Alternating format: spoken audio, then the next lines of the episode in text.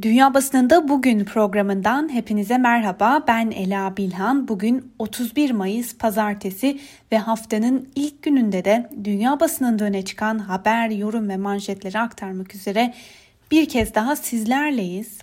Bugün bültenimize Türkiye basınında öne çıkan fakat yankılarının dünya basınında da geniş yer bulduğu bir birkaç haberin detaylarına göz atarak başlayalım. Sonrasında hızlı Amerikan basınıyla bültenimize devam edeceğiz. Öncelikle Sedat Peker'in iddiaları dünya basınında giderek daha fazla yer bulmaya başladı diyebiliriz. Örneğin İngiliz Financial Times gazetesi mafya lideri politik elitlere karşı videolarıyla Türkiye'yi şaşkına çevirdi başlığıyla bir analiz yayınladı. Toplamda 7 tane videonun 55 milyon kez görüntülendiği aktarılan analizde Peker'in bazı hükümet yetkililerine yönelik suçlamaları bomba etkisi yarattığı yorumu yapıldı. Yazı şöyle devam ediyor. Peker'in suçlamaları Tayyip abi dediği Erdoğan'a dokunmadı ancak yolsuzluk ve liderin yakın çevresi içerisinde arkadan bıçaklandığı iddiaları organize suçun siyaset üzerindeki hakimiyetini kırma vaadili 20 yıl önce iktidara gelen AKP'yi kirletti. Öte yandan Erdoğan'ın bu hafta sessizliğini bozduğu belirtilen analizde Peker AKP'yi koronavirüs salgını yönetimi ve ekonomide sıkıntılar nedeniyle oylarının rekor düzeyde düştüğü bir anda savunmasız yakalamışa benziyor. 2023'te planlanan bir seçim var değerlendirmesi de paylaşıldı. Arap dünyasında yaşananları yakından takip ediyor. Özellikle Sedat Peker'in dünkü açıklamalarından sonra ilginin arttığı ve 9. videonun daha fazla ilgiyle beklendiği yorumları yapılıyor. Örneğin Arab News dikkat çeken bir analiz yaptı. Şöyle diyor, sürgündeki Türk mafya babası Suriye iddialarını gündeme getirerek Pandora'nın kutusunu resmen açtı. Sedat Peker hükümeti Suriye'deki El-Kaide bağlantılı terör gruplarına silah göndermek için paramiliter bir güçle bağlantıda olduğunu iddia etti. Türkiye'nin Suriye'deki El Nusra cihatçılarını Türkiye Cumhurbaşkanı Recep Tayyip Erdoğan'ın danışmanı tarafından oluşturulan Sadat isimli örgüt aracılığıyla silah gönderildiği iddia edildi. Bu iddialar daha önce muhalefet tarafından meclise taşınmış ancak hükümetin itirazları sonrasında daha fazla ayrıntı ortaya çıkamamıştı. Aynı iddialar Rusya'nın suçlamalarıyla da bir dönem gündeme gelmiş ve 2015'te manşetlere yerleşmişti. Dahası Rusya Savunma Bakanı Erdoğan ve ailesini IŞİD ile yasa dışı petrol ticaretine katılmakla da suçlamıştı. Ayrıntısı hatırlatılmış. Dünya basınında öne çıkan Türkiye'yi yakından ilgilendiren 3 ayrı haberin detaylarına daha kısaca göz atalım ve dediğimiz gibi sonrasında hızla Amerikan basınıyla da devam edeceğiz. İstanbul Büyükşehir Belediye Başkanı Ekrem İmamoğlu hakkında YSK üyelerine hakaret ettiği gerekçesiyle 4 yıla kadar hapsi istemiyle hazırlanan iddianame Bloomberg tarafından haberleştirildi. Bu haberde İmamoğlu hakkında Cumhurbaşkanı Erdoğan'ın gelecekteki potansiyel rakibi hapis cezasıyla karşı karşıya ifadeleri kullanıldı. Bloomberg İmamoğlu hakkında iddianame haberinin çıkmasıyla Türk lirasının dolar karşısında 8.60'ı geçtiği, hali hazırda geldiği en düşük seviye rekorunu genişlettiğini de aktardı. New York Times gazetesi ise Rize İkizdere'de köylülerin maden arama çalışmalarına karşı mücadelesine yer verdiği dikkat çekici bir analiz yayımladı. Erdoğan sadık seçmeninin yaşadığı bölgeyi kızdırırken muhalefette bunu bir fırsata çevirmek istiyor. Başlığıyla aktarılan haberde şöyle deniliyor. Cumhurbaşkanı Erdoğan bölgedeki yeşil ve ormanlık alanı yok ederek maden inşa etme planlarıyla kendi memleketinde siyasi tabanının kalbinde protestoların fitilini ateşledi. Öte yandan New York Times gazetesi 2018'de Cumhurbaşkanlığı seçiminde Rize'den Erdoğan'a %77 oranında oy çıktığını da hatırlatırken bu hamleyle sadık seçmenin kızdırıldığını ifade ediyor. Ve önemli bir diğer habere de göz atalım. Şubat ayında yayımlanan Greenpeace raporuna göre Türkiye İngiltere'den 209.600 ton çöp ithalatı gerçekleştirdi ve Türkiye basınında özellikle son haftalarda gündeme gelen ve tartışma yaratan bu haber İngiliz basınının da gündemine geldi. İngiltere'nin geri dönüştürülemeyen çöplerinin yarısını ithal eden Türkiye, İngiliz Hiciv dergisi Private ayında gündemine oturdu. Derginin bazı geri dönüşüm sembollerinin açıklandığı bölümünde Türkiye'ye götürülecek ve yakılacaklar ifadelerinin yer aldığı yeni bir kategorinin eklendiği de görüldü. Dünya basınında öne çıkan Türkiye'ye dair bu haberlerin ardından bültenimize Amerikan basını ile devam edelim. Amerikan basınının gündemindeki habere göre Teksaslı Cumhuriyetçiler bu cumartesi günü geniş bir yelpazede yeni seçim kısıtlamalarını uygulamaya koyacak ve mevcut olanları daha da sıkı hale getirecek tasarıya son halini verdi. Eğer bu yasa tasarısı kabul edilirse 24 saatlik oy verme süresi ve evden oy kullanma kaldırılacak, postayla oy kullanımına da katı sınırlamalar getirilecek. Bu haberi gündemine taşıyan New York Times gazetesinin yorum köşesinde Charles Blow Amerikan demokrasisine dair dikkat çeken bir analiz yapıyor. Amerika'nın demokrasi elden mi gidiyor? Cumhuriyetçiler özellikle de son dönemde demokrasiyi yeniden tanımlayarak eski iktidarlarını korumaya çalışıyorlar. Bunun için seçimler çalındı söylemlerini dahi yinelemeye hazırlar. Amerikan basınının önemli gündemlerinden biri geçtiğimiz haftadan bu yana üzerinde durduğumuz Covid'e dair bir gelişme. Daha önce de aktardığımız gibi Biden yönetimi virüsün kökeninin araştırılması için yeniden düğmeye basmış durumda. Wuhan'da 3 aylık bir süre için görevlendirilen istihbarat yetkililerinden virüsün çıkış noktasını te- tespit etmeleri talep edildi. Bununla beraber aslında asıl merak konusu, asıl odak noktası virüsün Wuhan'daki bir laboratuvardan sızmış olabileceği ihtimali. Bugün bu meseleyi bir kez daha gündemine taşıyan New York Times ise şöyle diyor. Amerikalı uzmanlar pandeminin kökenlerine yönelik yeni soruşturmalara acil olarak ihtiyaç duyulduğunu söylüyorlar. Son dönemde Çin salgının bir laboratuvardan gelen bir sızıntıyla başlayıp başlamadığına dair daha fazla şeffaflık sağlamak için artan çağrılarla karşı karşıya kaldı. Amerikan basınında öne çıkan bir diğer haber ise özellikle İsrail'i yakından ilgilendiriyor. New York Times, İsrail Netanyahu'yu saf dışı bırakabilecek yeni bir koalisyon kurma yolunda ilerliyor başlıklı bir haber paylaştı. Buna göre İsrail'de aşırı sağ görüşleriyle öne çıkan Yamina Partisi lideri Naftali Bennett, İsrail'in önünde iki seçenek bulunduğunu ve bunların ya 5. seçime gitmek ya da değişim bloğu olarak adlandırılan partilerle birlik hükümeti kurulması olduğunu ifade etti ve bunun üzerine koalisyon hükümeti kurmak için Başbakan Netanyahu karşıtı bloğa katılacağını duyurdu. New York Times'ın analizine göre Başbakan Netanyahu rakip bir partinin koalisyon hükümetinde diğerlerine katılacağını açıklamasının ardından iktidarını kaybetme tehlikesiyle burun buruna geldi. Bu haber bugün CNN'in de gündeminde doğrudan aktaralım. İsrail'de en uzun süre başbakanlık koltuğunu korumayı başarmış olan İsrail Başbakanı bu kez koltuğunu kaybetmek üzere. Eğer rakipleri birlik hükümeti kurmak için çalışmayı resmen kabul ederse Netanyahu birkaç gün sonra görevden alınabilir. İsrail'deki bu süreç tabii ki Haaretz gazetesinin de gündemine oturdu. Gazeteden Ravit Hecht dikkat çeken bir analiz yapıyor. Netanyahu gitmek zorunda kalabilir ancak destekçileri onu bırakmayacaktır.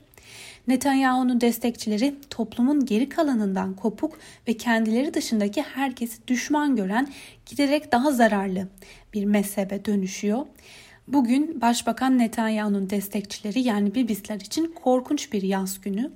İktidar yıllarında Netanyahu etrafında birleşen ve onu pervasızca takip eden, önce solun sonra da ona karşı çıkmaya cesaret eden sağcıların adımlarıyla birlikte hareketin morali son derece bozuk. Netanyahu gücünü her zaman dünyaya karşı biz anlatısından alıyordu. Ancak bilinmelidir ki tüm dünyayla savaşanlar sonunda yenilirler. İsrail'deki süreç ile ilgili uzman görüşüne yer veren Independent gazetesine göre İsrail'de 5. kez seçime gidileceği beklentisi hakim. İsrail parlamentosundaki ortak Arap listesi bloğu başkanı Eymen Ude yönetim krizinin yapısal olması nedeniyle 5. kez seçime gitme olasılığının yüksek olduğunu söyledi. BBC ise şöyle yazmış. İsrail'de Netanyahu devre dışı bırakacak koalisyon hükümeti için anlaşma yakın. 12 yıl sonra Netanyahu'nun olmadığı bir hükümetin kurulma ihtimali de böylece güçlendi. İngiliz basınının gündemdeki haberlerden biriyle devam edelim. Times gazetesinin manşetindeki habere göz atacağız. Daha önce de aktardığımız gibi İngiltere'de hükümet açıkladığı normalleşme takvimine göre 21 Haziran itibariyle önlemlerin çok büyük bir kısmı kaldırılacak ve eski hayatlara dönülebilecek. The Times gazetesi aşı ile virüs arasındaki bir yarış olarak tanımladığı bu 21 günlük sürece dair dikkat çeken bir analiz yapıyor aşı ile virüs arasında başlayan yarışı 21 Haziran'a kadar olan aşılama kazanacak gibi gözüküyor. Ulusal Sağlık Hizmetleri 21 Haziran'a kadar yapabildiği kadar çok aşı yapmalıdır. Eğer gelecek haftanın başına kadar 50 yaşın üzerindeki herkese ikinci doz aşıları yapılmış olursa bu bize kazandırır. Öte yandan İngiltere'de yayınlanan tüm gazetelerin ilk sayfasındaki haberi de kısaca aktaralım. İngiltere Başbakanı Boris Johnson ve nişanlısı Kerry Simons dün Westminster Katedrali'nde sade bir törenle evlendi. BBC'nin Kıbrıs seçimlerine dair aktardığı haberine de göz atalım. Kıbrıs seçimlerinde aşırı sağcı Elem Partisi oylarını ikiye katladı. Kıbrıs'ta yapılan genel seçimlerde iktidardaki muhafazakar Demokrat Seferberlik Partisi birinci çıkarken Yunanistan'da yasaklanan Altın Şafak ile bağları olduğu tespit edilen aşırı sağcı Elem Partisi ise oy oranını neredeyse ikiye katladı. Şimdilik kesin olmayan sonuçlara göre Demokratik Seferberlik Partisi oyların yaklaşık %28'ini alarak birinci oldu. Analistler Kıbrıs'ın güneyinde yapılan seçimlerde uzun yıllar sonra ilk kez adanın yeniden birleşmesi konusunu değil, son dönemde ortaya atılan yolsuzluk iddialarının önemli rol oynadığını söylüyor. Öte yandan BBC önemli bir noktanın da altını çiziyor. Son olarak El Cezire televizyonunun Ekim 2020'de yatırım karşılığı Kıbrıs vatandaşlığının verilmesini öngören altın pasaport programı ile ilgili yaptığı bir haber ülkede büyük bir skandalın patlamasına neden olmuştu. Alman basını ile devam edelim. Almanya'da test merkezlerinde ortaya çıkan dolandırıcılık Alman basınının gündemine oturdu diyebiliriz. Almanya'da ücretsiz ve hızlı koronavirüs testi sunan test merkezlerinde usulsüzlük yapıldığı ortaya çıktı. Yapılan test sayısına ilişkin yanlış bildirim yapan test merkezleri hakkında soruşturma başlatıldığı da bildirildi. Deutsche Welle aktardığı haberde şuna dikkat çekiyor. Nisan ve Mayıs aylarında 660 milyon euro hükümetin test politikası kapsamında kullanıldı. Die Welt gazetesine aktardığı habere göre muhalefet ortaya çıkan bu dolandırıcılıklar konusunda hükümeti ve hükümetin denetimsizliğini sorumlu tutuyor. Zarara uğratılan kamu kaynaklarının nedeni hükümetin yeterli denetim yapmamış olması. Gri pasaport skandalının Almanya'daki yankıları sürüyor. Almanya Dışişleri Bakanlığı tarafından yapılan açıklamada yeşil, gri ve siyah pasaportla vizesiz girişlerin artık denetleneceği, sınırlarda da ek belge istenileceği belirtildi. Açıklamada ayrıca özel pasaportla gelenlerin zaten geçerli mazereti olmadan alınmayacağı vurgulanırken vizesi olsa dahi tüm pasaport sahiplerinin geçerli ziyaret nedenlerini önceden sunmaları gerektiği de hatırlatılıyor. Fransız Le Monde gazetesinin gündemindeki habere göz atalım. Dünyada ve Fransa'da aşı patentlerinin askıya alınması tartışması sürüyor. Patentlerin kaldırılması gerektiğini fikrini destekleyen Le Monde gazetesine karşı Cumhurbaşkanı Emmanuel Macron'un bu fikre sıcak bakmadığı aktarılıyor.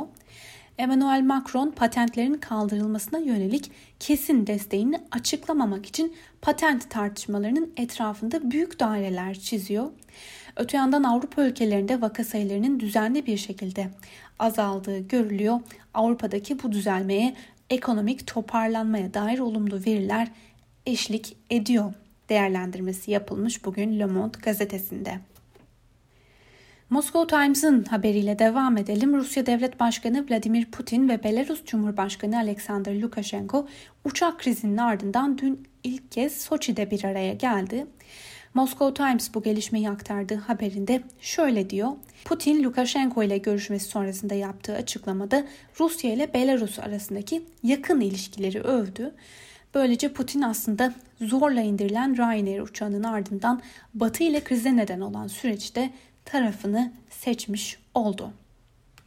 El Cezire'nin bir haberine göz atalım. Mali'de ordu son 9 ayda ikinci kez darbe yaptı. Batılı Afrikalı liderler darbeyi kınarken demokrasiye dönüş çağrısında bulunuyor. Ancak Mali'ye yönelik yeni yaptırımlar uygulamaktan da kaçınıyorlar ki El Cezire'ye göre bu da iktidarın elini güçlendirmeye devam ediyor. Japon basınından Japan Times'ın bugün önemli gündem maddelerinden biri bir kez daha Haziran ve Temmuz aylarında yapılması planlanan Tokyo Olimpiyatları.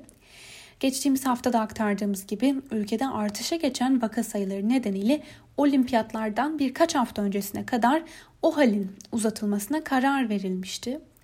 Ancak Japan Times'ın aktardığına göre Japonya'da olimpiyatların sağlıklı bir şekilde yapılmasına yetecek kadar doktor bulunamayabilir. Öte yandan bir diğer habere göre de e, Tokyo Olimpiyatlarını izlemek isteyen kişilerden negatif test sonucu talep edilebilir. Hatta aşı yaptırmaları da gerekebilir. Bu olasılık şimdiden öfkeyle karşılandı. Ancak asıl eleştiri konusu hükümetin mali kaygılar nedeniyle pandeminin ortasında bu olimpiyatları yapma ısrarı değerlendirmesini yapıyor bugün Japan Times. Ve son haberimiz Brezilya'dan. Brezilya'nın birçok şehrinde hafta sonunda binlerce kişi devlet başkanı Bolsonaro hükümetini protesto etmek için sokaklara döküldü.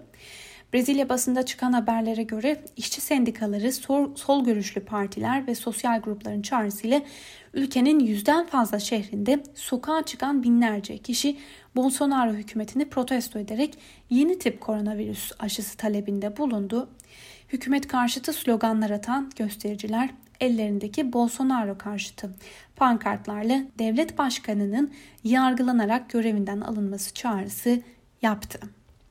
Sevgili Özgürüz Radyo dinleyicileri, Brezilya'dan aktardığımız bu son haberimizle birlikte bugünkü programımızın da sonuna geldik. Yarın aynı saatte tekrar görüşmek dileğiyle şimdilik hoşçakalın.